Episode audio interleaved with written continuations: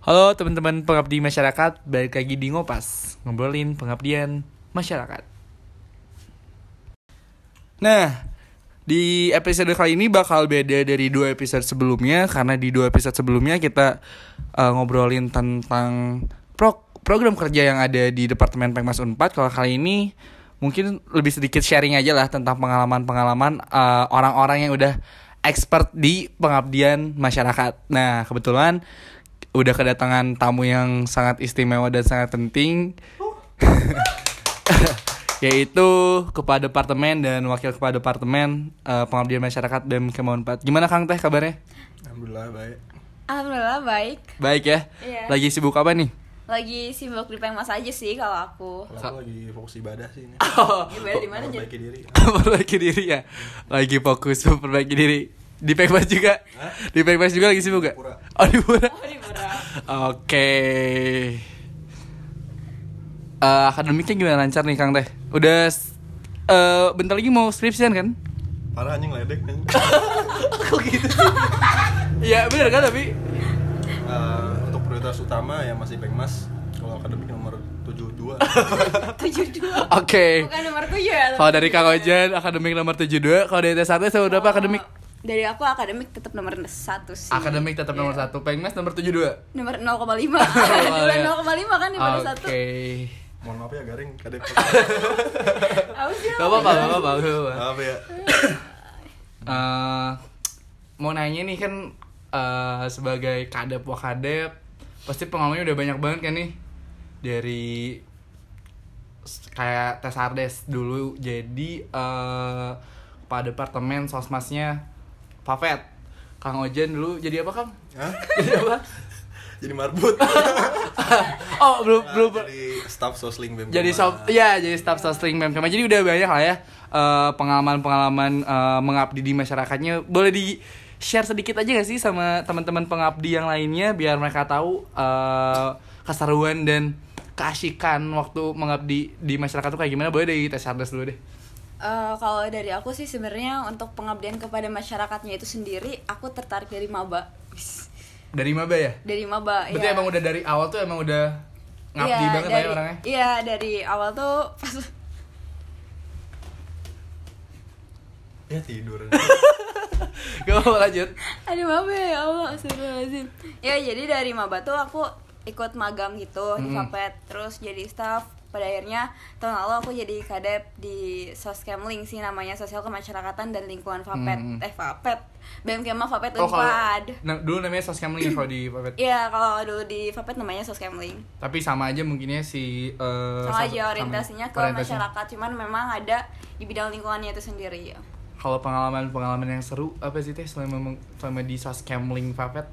pengalaman yang seru tuh pas waktu bina desa. Itu kan kita ngobrol sama masyarakat itu kan terus juga emang udah deket banget sama masyarakatnya Hmm. terus juga ketemu sama anak-anak kita yang paling aku suka tuh ketika kita berhadapan langsung dengan anak-anak dan juga melihat keceria keceriaan dan senyum mereka itu kayak oh ini yang namanya pengabdian tuh gitu Jadi lihat anak-anak ceria kita jadi ikut ceria sih? Iya itu bener, juga. bener, bener. Terus juga eh, pas waktu touring tuh itu dalam Hmm. rangka kita mau membagikan buku ke lima kabupaten di selatan Jabar. Itu adalah namanya eh, Unpad Go Literary Trip Koridor Jabar Selatan. Hmm. Itu kita touring tiga hari. Terus juga kita di sana berhadapan langsung dengan masyarakat dan juga kita memberikan manfaat. Dan semenjak dari pengabdian kepada masyarakat itu, s- ketertarikan aku ke depannya adalah aku ingin sekali gitu berkontribusi untuk masyarakat eh untuk masa depan aku juga sama Keren keren keren. Kalau dari Kang Ojan sendiri eh pengalaman pengabdian apa nih yang menurut Kang Ojan kayak seru banget dan gak bisa dilupain deh?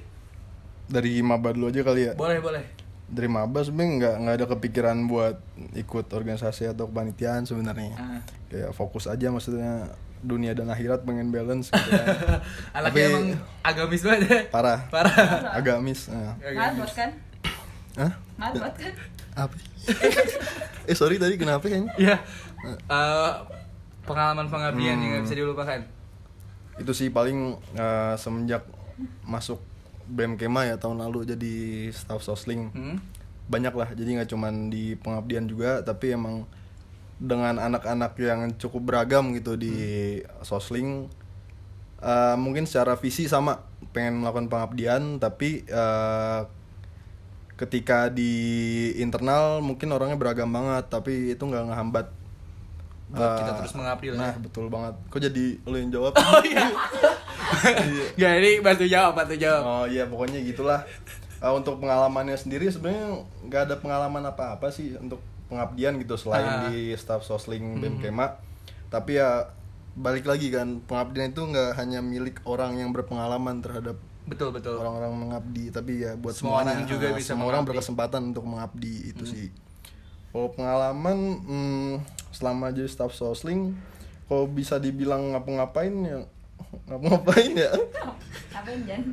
Ya dulu tuh eh, aku terlibat di ini di Bina Desa jadi PJ Bina Desa Oke. Eh, tepatnya di Cipelah dan alhamdulillah Oh sama di eh, Cipela juga. sama di Cipelah juga dan alhamdulillah di tahun ini aku diamanahin juga jadi wakil kepala departemen dan Alhamdulillah.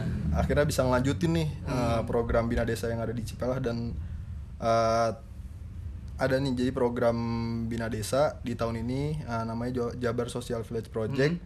dan tempatnya sama di Cipela dan pengen memperbaiki hal-hal yang jadi evaluasi di tahun lalu. Oke, gitu. berarti eh, Bina Desa yang tahun ini adalah has- eh, hasil evaluasi dari Bina Desa yang tahun kemarin berarti. Betul. Jadi eh, sebenarnya ini program blueprint. Jadi emang programnya berkelanjutan dan aku harap eh, untuk tahun ini kita benar-benar nggak hanya asesmen aja tapi bisa implementasinya juga ke masyarakat Oke. gitu. Kalau dari eh, Tes Ardes, pengalaman pengabdian apa yang paling gak bisa dilupain selama eh, dari maba sampai sekarang mengabdi ke masyarakat? Kalau dari aku sendiri sih eh, waktu touring sih pas waktu Oh, waktu pas touring tadi tuh. Iya. Yang tiga hari, tiga Iya. malam. Iya tiga hari tiga malam. Eh bener kan? Iya bener sih karena apa ya eh, itu sih sebenarnya yang paling kerasa ketika terlibat dalam suatu pengabdian yang memang bentuknya beda dari yang lain gitu Eh, itu benar-benar kita persiapannya panjang terus juga eh melibatkan banyak orang juga kan terus kita juga sepanjang perjalanan ya bayangin aja kan di motor gitu tiga hari terus Seru lah ya bareng-bareng yang lain. seru lah ada Iya. aja cerita Ada aja cerita pasti. banyak kempes lah bocor lah terus juga kayak motornya nggak naik terus juga mau ke arah geopark hujan lebat gitu banyak lah ceritanya Tapi pas pokoknya. touring ibadah lancar aman. ibadah aman Ibadah lancar aman ya. Lancar. ibadah ya sholat Oke. Aman. Kalau misalnya nih dari Kang Ojan sama Tes Hardes selama menjadi staff atau kadep atau selama men- mengabdi di masyarakat eh, suka dukanya apa sih? Dari sukanya dulu deh, Hardes. kalau dari aku pribadi ya dari sukanya eh, kita ketemu banyak orang kan kita terlibat sama banyak orang terus juga kin- kit- ketika kita berhadapan dengan masyarakat sebelumnya kita nggak pernah tahu kan masyarakat itu siapa kita nggak kenal lah istilahnya dan ketika kita datang kita harus tahu nih gimana caranya kita ngobrol membuka pembicaraan awal dengan masyarakat itu sendiri terus juga mungkin dalam waktu setahun bukan waktu yang lama gitu. Itu waktu yang singkat sebenarnya untuk kita Betul. mengenal masyarakat dan kita dituntut harus bisa mengenal mereka. Juga apa ya yang penting satu sih dari pengabdian yang aku rasakan adalah ikhlas. Ketika waktu tenaga pikiran pokoknya uang dan sebagainya itu udah nggak ya udahlah ya gitu. Yang penting eh ketika kita mau memberi sesuatu kepada masyarakat satu sih ikhlas itu yang aku ajari dan kita nggak hitung hitungan lah istilahnya mah Berarti kuncinya ikhlas. Iya, benar. Oke, kalau dukanya? Duka selama mengabdi ada gak sih, Teh? juga selama mengabdi menurut aku untuk niat Bisa, bisa, sih, bisa, Jen? bisa. ya kalau untuk duka duka suka dukanya itu sendiri ya kalau duk dalam pengabdian tuh nggak ada kata duka sih menurut aku Oke. karena eh, itu kan niat baik kita kita ingin memberi kepada masyarakat hati lah ya. dari hati gitu dan eh, paling ya lebih ke hal-hal kecil sih mungkin Mungkin kayak lebih karena Kayak pusing manajemen manajemen orang, waktunya, manajemen orang. waktu, Mungkin ke sih lebih pusing itu aja kali ya. ya untuk Tapi sih. selebihnya eh, fun-fun aja kali ya mengabdi masyarakat. aja, iya Oke. karena seru aja gitu Seru pasti seru sih kayaknya. Kalau dari Kang Ojan suka duka selama mengabdi ke masyarakat apa nih, Kang? Ya? Nah, paling kalau sukanya sendiri banyak, apalagi kita bersentuhan langsung dengan masyarakat. Kita ngobrol eh, ke masyarakat, masyarakat door to door, ya kayak tahu aja gitu masalah-masalah yang sebenarnya kayak kita nggak peduli. Ternyata ketika masyarakat cerita ya kita semakin peduli gitu terkait permasalahan yang ada di masyarakat gitu. Di desa yang aku dulu pernah melakukan pengabdian di situ. Pokoknya eh, suka nggak cuman ketika kita ke masyarakat aja tapi eh, anak-anaknya juga seru seru banget. Eh, kita juga bisa tukar pikiran dengan balik lagi dengan visi kita yang emang suka dengan pengabdian walaupun dengan latar belakang yang berbeda ya kita dapat insight-insight baru lah terkait eh, bentuk pengabdian itu banyak sendiri. banyak eh, pengetahuan dari yang lain lah ya. Hmm, betul. Terus kalau dukanya kan ada nggak? Eh, dukanya apa ya? Hmm, kalau aku sendiri ibadah suka tertinggal. Oh Hmm. jadi waktu lagi ngabdi suka susah buat ibadah gitu ya sebenarnya ibadah tuh nggak boleh jadi alasan gitu oke. Kan. ketika kita melakukan pengabdian ya tapi mungkin itu miss di aku kan. Hmm, oh, sama- jadi dukanya karena sering kelewat ibadah gitu? Iya parahnya parah parah. Ya paling kalau dukanya sendiri ya eh, ini sih eh, hasil-hasil yang atau cita-cita kita yang emang benar-benar kita pengenin gitu untuk melakukan pengabdian ya hasilnya mungkin belum maksimal itu Oh, jadi eh, yang kita inginkan di awal tapi hasilnya nggak sesuai apa yang kita inginkan. Betul. Tapi ya balik lagi kan eh, pengabdian itu sebenarnya nggak bisa diukur tingkat keberhasilannya. Mm, betul, betul. selama masyarakat eh, welcome dengan kita ya itu bisa dibilang berhasil juga. Tapi ya ya udah gitu sih paling. Nah, eh, buat Kang Sarde sama Taujan, dia Sarde, sorry sorry sorry sorry sorry sorry sorry. ya, oke buat sorry sorry sorry sorry. Gak fokus gak fokus gak fokus gak fokus. Banyak pikiran akademik akademik nomor satu. Eh, buat Teh Sarde sama Kang Ojan dari eh kenapa memilih menjadi pengabdi masyarakat eh, padahal banyak orang yang belum awareness tentang pentingnya mengabdi ke masyarakat. Terus menurut eh, akang teteh sendiri penting gak sih pengabdian masyarakat itu? Dan peng- mengabdi yang benar dan baik itu kayak gimana sih? Dari kang Ojan dulu deh boleh? Eh, alasan ya. Eh, alasan sebenarnya ya setiap orang pasti pengen gitu untuk melakukan pengabdian ya. Alhamdulillah eh, ya jalan aku untuk terus ada di pengabdian ya sampai sekarang gitu. Terus tadi apalagi yang ditanyain? Eh pengabdian yang baik dan benar menurut Kang Ojan ya apa yang benar-benar hasilnya tuh sesuai dengan esensi mengabdi kepada masyarakat Tapi banyak yang salah kaprah sih soal tentang pengabdian Nah. itu sendiri. Eh, ya sesuai dengan prinsip aku gitu. Eh, soal pengabdian itu nggak hanya sekedar eksistensi aja yang ditampakkan, Yang tapi dikejar ya. juga Hmm. esensinya ke masyarakat. Eh, kayak hasil dari pengabdian yang berhasil itu belum tentu prosesnya itu baik dan hasil pengabdian yang buruk belum tentu eh, prosesnya itu buruk. Jadi ya sebenarnya emang nggak bisa dilihat sih uh, proses dan hasilnya kalau misalnya kita benar-benar nggak terlibat langsung di dalam pengabdian gitu. jadi jangan mengejar eksistensi tapi harus ada esensinya juga Betul. mantap sekali Teh Sardes kira-kira apa sih menurut Teh Sardes kan eh, kalau sekarang mungkin banyaknya mengabdi masyarakat lebih ke eksistensi aja nih menghilangkan esensinya jadi eh, mengabdi masyarakat yang benar tuh harus kayak gimana sih Sebenarnya kalau buat mengabdi kepada masyarakat yang baik dan benar tuh setiap orang kayak punya perspektifnya masing-masing kan menurut aku.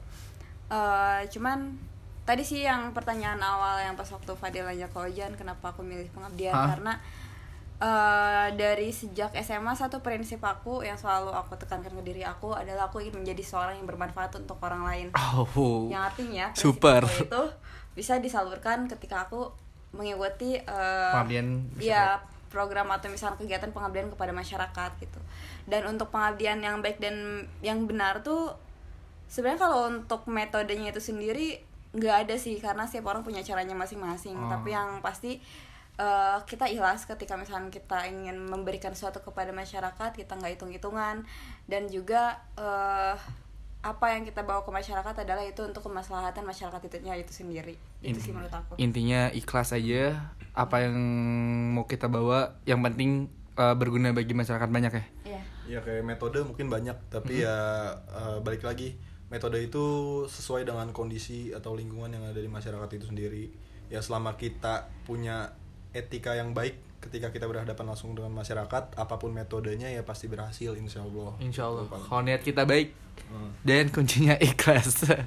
Iya betul sekali. Terus selama ini kan tes Arles sama Kang Ojan udah maksudnya udah lama lah ya untuk mengabdi ke masyarakat dari zaman maba terus sekarang sampai jadi kadep wakadep di Pengmas BMK Unpad. Kira-kira dampaknya apa sih selama karena udah keseringan mengabdi kan pasti ada dampaknya tuh buat diri sendiri atau lebih awareness tentang masalah sosial lah atau eh, buat diri buat diri sendiri jadi lebih peka sama lingkungan atau gimana sih? Eh, kalau buat eh, ngukur diri sendiri sebenarnya itu cukup susah kali ya. Eh, eh, paling kalau buat aku sih lebih kayak ke contoh kecilnya aku lebih nggak perhitungan untuk segala hal gitu. Karena Oke. baik dari finansial waktu atau apa pun itu, ketika itu apa pun yang berhubungan dan pengabdian kepada masyarakat, ayo gitu. Rabas aja ya. Nah, kayak gitu. Sama ketika misalkan eh, aku berhadapan dengan masyarakat, kayak lebih seneng aja sih ada ada rasa sama apa ya rasa ketika aku bertemu dengan orang banyak, apalagi itu masyarakat gitu ya, itu kayak betul. lebih oh ya Allah aku bersyukur kayak gitu. Bersyukur masih dikasih kesempatan buat ngasih kebaikan ke orang nah, banyak ya. iya benar. Dari Kang Ojan. tadi apa sih pertanyaannya Kayak Kang Ojan lagi banyak pikiran banget ya. Lagi banyak pikiran banget. Pikiran. Oh, lagi ah, ini ya. Oke, tadi pertanyaannya apa? Saya juga lupa. Ah, dampak pri, dampak Oke, eh, dampak ya. dampak pengabdi ke masyarakat selama ini untuk pribadi deh. kalau untuk pribadi sendiri ya eh, apalagi untuk pengabdian kan pasti banyak yang dikorbanin Hmm. tenaga pikiran eh, terus juga modal Ibadah. ibadah segala macem tapi ya itu eh, hal-hal pengorbanan kita ketika kita ikhlas tadi Hmm. balik lagi ya semua nggak jadi masalah gitu Semua jadi masalah, oke. Hmm. ya lebih ini aja lebih peduli juga dengan permasalahan yang ada yang sebenarnya kalau misalnya kita nggak peduli juga nggak masalah tapi ketika kita eh, ketemu dengan masyarakat banyak sebenarnya hal-hal yang harus kita pikirkan juga gitu Eh, terus juga eh, dampak ke masyarakatnya ya dampak ke masyarakat takut dikaria eh Nggak apa-apa nggak apa-apa. Ya. Sharing aja, sharing aja. Yuk kayak Kang Ojan ini banyak banget sih? Sangat pengalaman ya sangat orangnya. emang emang sangat agamis banget panutan. ya banyak gitu maksudnya eh, kegiatan pengabdian dilakukan ke masyarakat ya dengan melihat masyarakat tersenyum gitu ketika kita datang ketika kita eh, berdiskusi ngobrol ya itu udah menjadi apa ya bukan menjadi suatu keberhasilan tapi ya Kesenangan sendiri lah ya.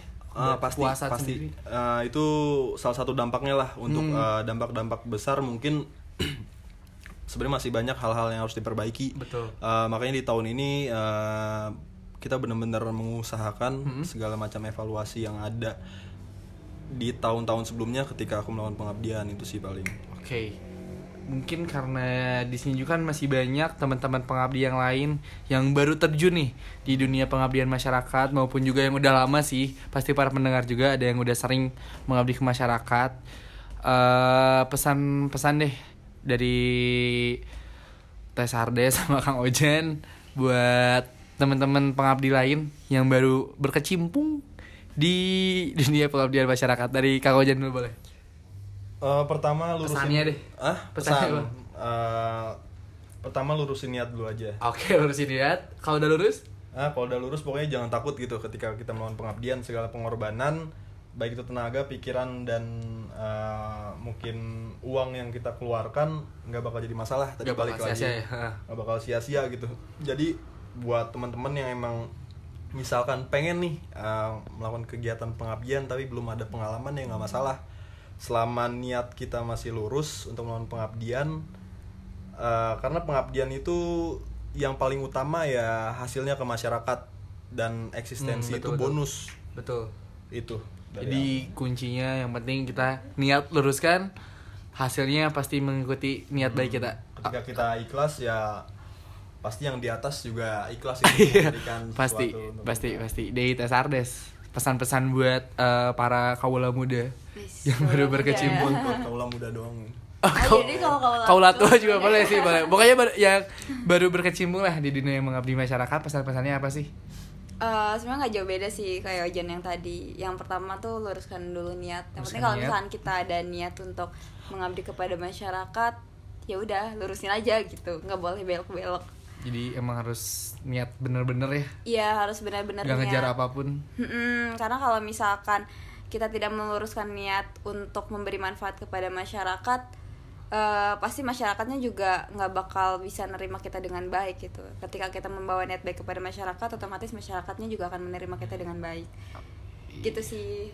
Oke. Ya, sayang aja gitu maksudnya dengan kita sudah ada niat terus kita melakukan pengabdian dengan uh, program-program yang Udah ada. ada dan kita bawa dengan konsep dan teknis yang baik tapi ketika kita ke masyarakat balik lagi nih uh, etika kita kurang. Hmm? cara apa ya eh, cara ngomong kita ke masyarakat eh, kurang ya? Ya semua konsep dan teknis itu sia-sia gitu. Karena ya masyarakat bakal menolak juga dari program yang kita bawa Kalau dari Kema Unpad sendiri nih, eh, khususnya di Departemen Pengabdian Masyarakat, program apa aja program apa aja sih yang dibawa selain kemarin tuh ada expat di episode pertama, terus ada Jabar Social Affairs Project di episode kedua. Selain itu eh, ada program apa lagi nih? Cara proker keseluruhannya Pengmas ya Mas? Iya Jadi, boleh. Kalau untuk di Pengmasnya itu sendiri secara keseluruhan tuh kita sebenarnya dibagi ke empat divisi. Yang Divisi. pertama tuh Apa aja yang tuh, Teh? pertama tuh ada divisi pengabdian. Ya, Pengabdian? Iya, pengabdian. Yang kedua ada divisi pemberdayaan. Pemberdayaan. Terus juga ada divisi sosial kemanusiaan. Sosial kemanusiaan. Dan yang terakhir itu ada divisi bina desa. Bina desa, ada empat ya? Ha. Ada empat divisi. Nah, untuk divisinya itu sendiri itu juga ada ngebawahin beberapa proker. Mungkin untuk beberapa proker itu bisa disebutin sama Ojan.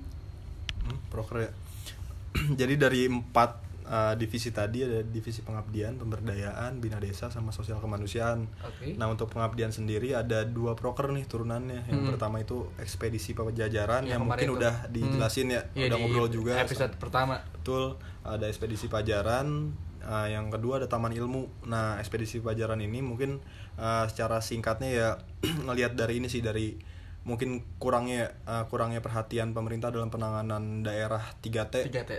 3T itu Eh, apaan sih kan? Masih ter- banyak yang nggak tahu nih teman-teman tertinggal pengabdi. terdepan terkece ter ya pokoknya Jadi apa ya? terdepan dan terluar Tertinggal, terdepan dan terluar. gitu nah makanya dan satu lagi ya latar belakangnya karena kita ingin mengimplementasikan tridharma perguruan tinggi Mm-mm. poin ketiga yaitu pengabdian masyarakat Pengabdian masyarakat betul. Nah, nah di sini tepatnya di Pulau Buaya eh, di NTT dan di Expat ini kita terbagi dengan empat chamber yaitu eh, kesehatan, pendidikan, eh, pariwisata dan agrokompleks. Banyak juga chambernya berarti. Alhamdulillah banyak juga. Eh, di sini kita benar-benar eh, seleksi ketat karena eh, kita ke pulau orang lah, Eh, Ya, apalagi jauh banget, eh, lumayan jauh tempatnya. Di sini kita benar-benar mengusahakan hasil yang terbaik dari suatu pengabdian itu. Eh, jadi outputnya di sini sebenarnya direct impact. Tapi Hmm. direct impact bukan berarti ketika kita keluar atau cabut dari eh, Pulau Buaya di Alor nanti eh, nggak ada gitu. Tapi direct impact itu apa yang kita lakukan ke masyarakat dan akan sustain ketika kita melakukan pelatihan, pemberdayaan, pembinaan ke masyarakat dan masyarakat bisa melanjutkan dari hal-hal yang kita inginkan gitu. Terus juga ada taman ilmu. Taman ilmu. Eh, Apa tuh taman ilmu? Taman ilmu itu kegiatan belajar mengajar usia 6 sampai 12 tahun. Nah, tepatnya ini di daerah Sukauning dan alhamdulillah sudah eh, lumayan cukup lama ya bertahan Iya. di eh, Unpad ini. Dari Eh, tahun berapa tuh Kang kalau boleh tahu? Dari tahun 7 berapa? Udah lama banget ya ya? 2008. Udah lama banget dari ya tahun Mari? 2008 ya. Dari tahun 2008. Dan alhamdulillah gitu masih emang masih bisa bertahan. Oke. Eh, terus juga eh, di divisi pemberdayaan ada SYDC Sumedang Youth Development Center Sumedang Youth Development Center. Development Center. Nah, itu di sini kita fokus terhadap pemberdayaan masyarakat usia produktif. Hmm, yang mana oke. outputnya itu kita uh, ingin ada produk fisik atau enggak produk pengembangan konsep yang nanti bisa dilanjutkan oleh masyarakat usia produktif desa terkait. Nah, tepat itu di desa Cibugel. Oh. Cibugel. Nah, Cibugel di mana tuh? Di Sumedang. Sebenarnya, oke berarti emang departemen Pengmaka ini emang merambah ke semuanya ya tadi. Nah, kenapa kita di Sumedang? Karena balik lagi dengan Universitas Pajajaran yang berdiri di tanah Sumedang, Sumedang, ya iya. kita juga ingin memberdayakan masyarakat yang ada yang di Sumedang. betul.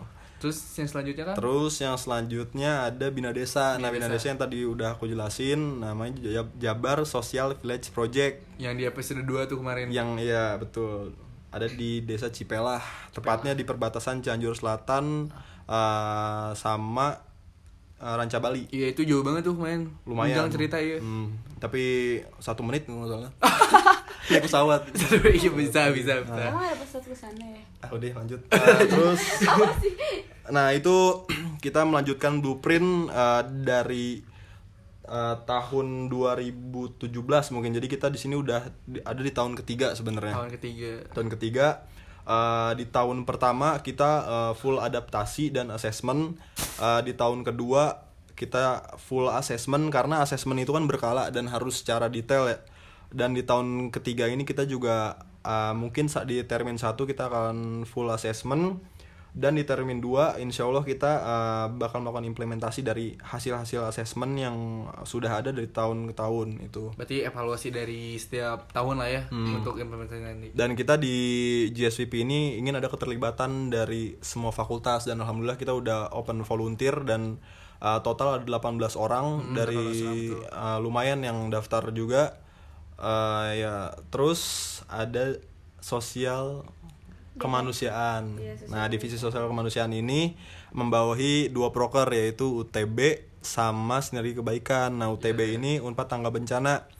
Nah, kita di sini menggalang dana bekerja sama dengan SAR dan seluruh entitas yang ada di Unpad terutama eh, 16 fakultas insya Allah ya.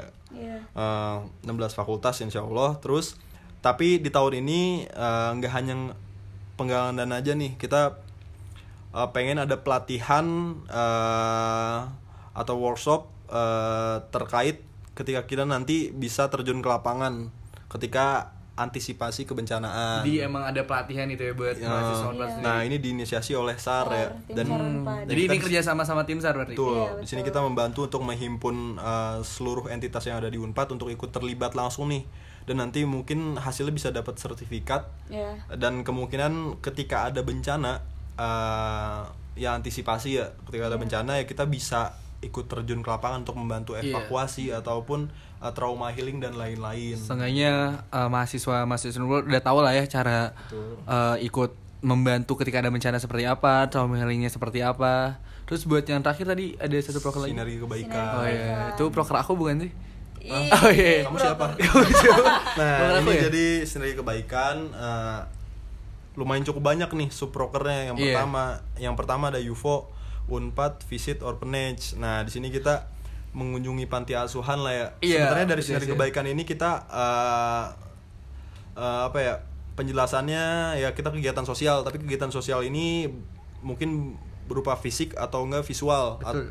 Kayak podcast ini. siap nah terus untuk fisiknya sendiri ya itu UFO Eh, yang kedua ganjil berbagi dengan takjil nah tepatnya di bulan Ramadan kalau misalnya di bulan biasa kita nggak puasa Iya. Bulan Ramadan juga nggak puasa kan? Hah? Bulan Ramadan juga nanti puasa. pas acara ini kita puasa. terus Kita. Hah? Kita. Ya udah aku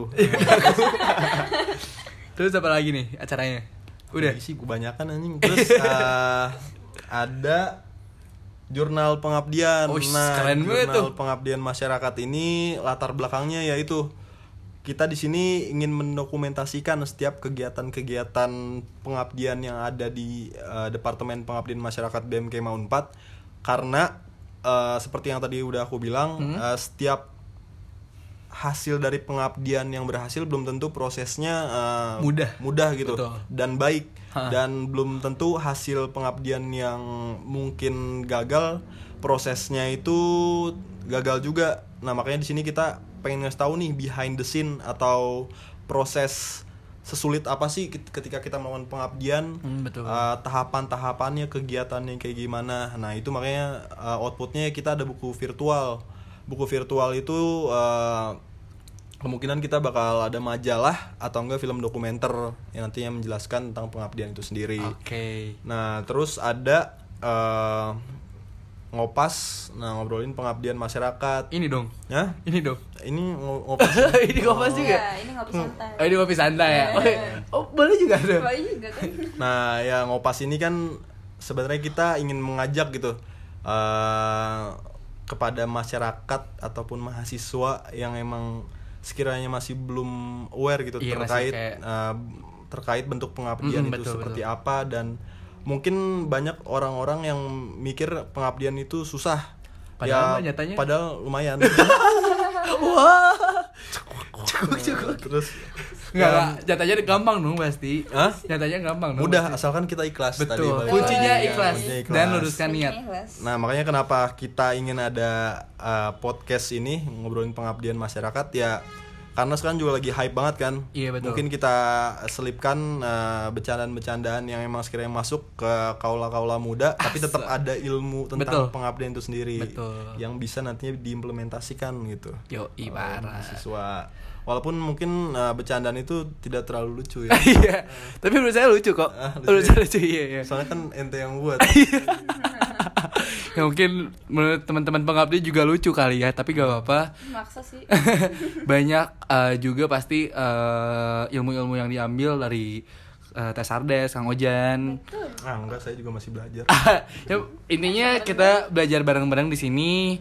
Eh, intinya kalau buat teman-teman pengabdi yang baru mencoba mulai untuk mengabdi, kuncinya cuma luruskan niat sama ikhlas aja. Eh, usaha tidak akan pernah men- mengkhianati hasil. Itu hadisnya apa itu? Gak tau di Jawa. Eh, terus ya pokoknya nggak usah takut buat mengabdi Ter- eh, mengabdi masyarakat itu nggak sesulit yang kalian bayangkan nggak serumit yang kalian bayangkan selalu akan ada hikmahnya buat kalian sendiri dan hikmah buat eh, banyak orang terus ternyata BMK Maun Pat- eh, Departemen Pengabdian Masyarakat ini juga eh, apa ya bersinergi sama banyak pihak ya kayak tadi tim sar Betul, terus betul. eh, di Pulau NTT sama siapa Apa? ya? gak ada ya oh gak ada Sama ekspeditor. eh sama ekspeditor di Sumedang sama hmm, kelurahan Sumedang Cibugel. Cibugel. iya. Ya pokoknya di departemen Pengmas ini banyak eh, bersinggungan dengan pihak-pihak terkait lah ya masyarakat. sesuai arah gerak kita yaitu Iya. community development. Iya. oh berarti arah gerak departemen Pengmas tahun ini adalah community Dan development. sesuai misi apa visinya si ini ya kabinet sekarang. Pokoknya caring outside. Iya Misi. misi. Misinya dari Kang Iya, Rijal sama Urban. Iya itulah. itulah sorry ya Kak- Rijal kalau Kang Urban nonton eh denger Iya. Iya. kan di private ini oh, Enggak di private yang di umum. Oh, mau. Umum. ada lagi mungkin yang mau ditanyain Mungkin kayak udah sih kayak segitu aja. itu doang sih Segitu. Oh, kayaknya atau mau apa lagi sih pesan atau obrolan-obrolan buat para pengabdi yang baru kira-kira ada nggak ada kayaknya Ada sih sebenarnya. Oh, Jan sih yang mau ngomong. apa sih? Apa sih? Yaudah. Ada maaf ya, guys. eh tolongnya ini udah mau ini. Udah waktu isa. Terakhir ya terakhir lah. Tadi dari tadi terakhir dulu ya tapi gak apa deh. Kata-kata mutiara kan biar dari tadi kan kita bercanda mulu nih. Takutnya yang para teman-teman pengabdi ini gak ngambil eh ilmunya apaan Wah, searching dulu mau searching dulu mau searching dulu boleh boleh boleh kita sardas dulu deh kata-kata mutiara Kata-kata mutiaranya apa ya? Panjang sih sebenarnya. Gak apa-apa, gak apa-apa. Yang penting nyeslah ke hati-hati para pendengar pengabdi yang baru mau berkecimpung, misalnya. apa ya aku bingung Eh, paling kalau dari aku sih sesuai sama prinsip aku aja ya Eh, ketika aku punya satu prinsip adalah aku ingin memberikan manfaat kepada semua orang Oke. maka satu yang harus aku bawa adalah luruskan niat dan juga ikhlas ketika kita membawa niat baik kepada masyarakat maka masyarakat pun akan menerima kita dengan baik dari Brandy itu ya Oke, catat ya. Catat teman-teman pendengar semua, luruskan niat dan ikhlas. Itu akan jadi eh, sesuatu yang berharga buat kalian kalau ingin memulai mengabdi ke masyarakat. Kang Ojan, kata-kata mutiara. panjang banget sih kalau misalnya dibilang mutiara ya Boleh, boleh. Hmm. Ya jangan Google Nggak kalau kata-kata mutiara aku ya yang dari dulu jadi prinsip aku gitu kan. Apaan tuh, Kang? When you want to give up, remember why. Remember why, you start it. Nah, Apa lagi? When you When you Um, sorry nih belum les bahasa Inggris. Um, when you want to give up, remember why you start. When you remember to give up, remember when you start. Jadi Why you start. Oh, remember why you start. Ketika Artinya eh, barang siapa artinya berarti eh, ketika kita pengen ketika kita ki- lelah, mulai menyerah lah ya, menyerah. lelah, ingat apa yang kita mulai pas awal. Iya, ingat kenapa kita Ingat kenapa kita mulai memulai. itu. Mungkin kayak gitu ya kan. Kalau gue gak tahu artinya. Betul banget. Memang lebih apalagi cerdas anaknya ya. apalagi kan kita di sini kan mengabdi ya gitu. Ya mengabdi pasti di pertengahan setiap proses ya jenuh pasti ada, Pasti, lelah pasti. pasti ada. Pasti ada kayaknya. Eh, putus asa juga pasti ada ya. Ingat lagi tujuan awal kita ketika kita bisa luruskan niat ya insya Allah gitu jenuh atau putus asa kita ya bakal tertutup dengan niat kita yang lurus. Oke. Oke, jadi Coba tadi bahasa Inggrisnya apa ulang? when jadi tadi when you feel When you feel enough to give When up. I when you feel when you wanna give up, remember why you start. Nah, Oke. apa sih? Emang uh, Kang Ojan ini adalah emang agamis banget. Kebetulan lama di Arab ya Kang? S1 S1 S1 sastra Arab. S1 sastra Arab. Oke mungkin kayaknya segitu aja kalau makin lama udah makin ngelantur ini ya. Eh, semoga teman-teman pengabdi semua bisa mengambil hal positifnya dari eh, tes Ardes Kang Ojan. eh, kiat-kiat apa aja buat ngabdi atau pengalaman apa aja yang seru. Kiat kiat kiat. Enggak kayak gitu gitu. Terus mohon maaf aja kali ya kalau ada bercandaan kita yang kurang mengenakan tapi Atau kurang nyambung ya. kurang nyambung. Tapi beginilah Pengmas. Beginilah Pengmas. Pema satu. Iya bebas satu. Satu. Oke, sampai jumpa di episode selanjutnya. Bye bye. Bye.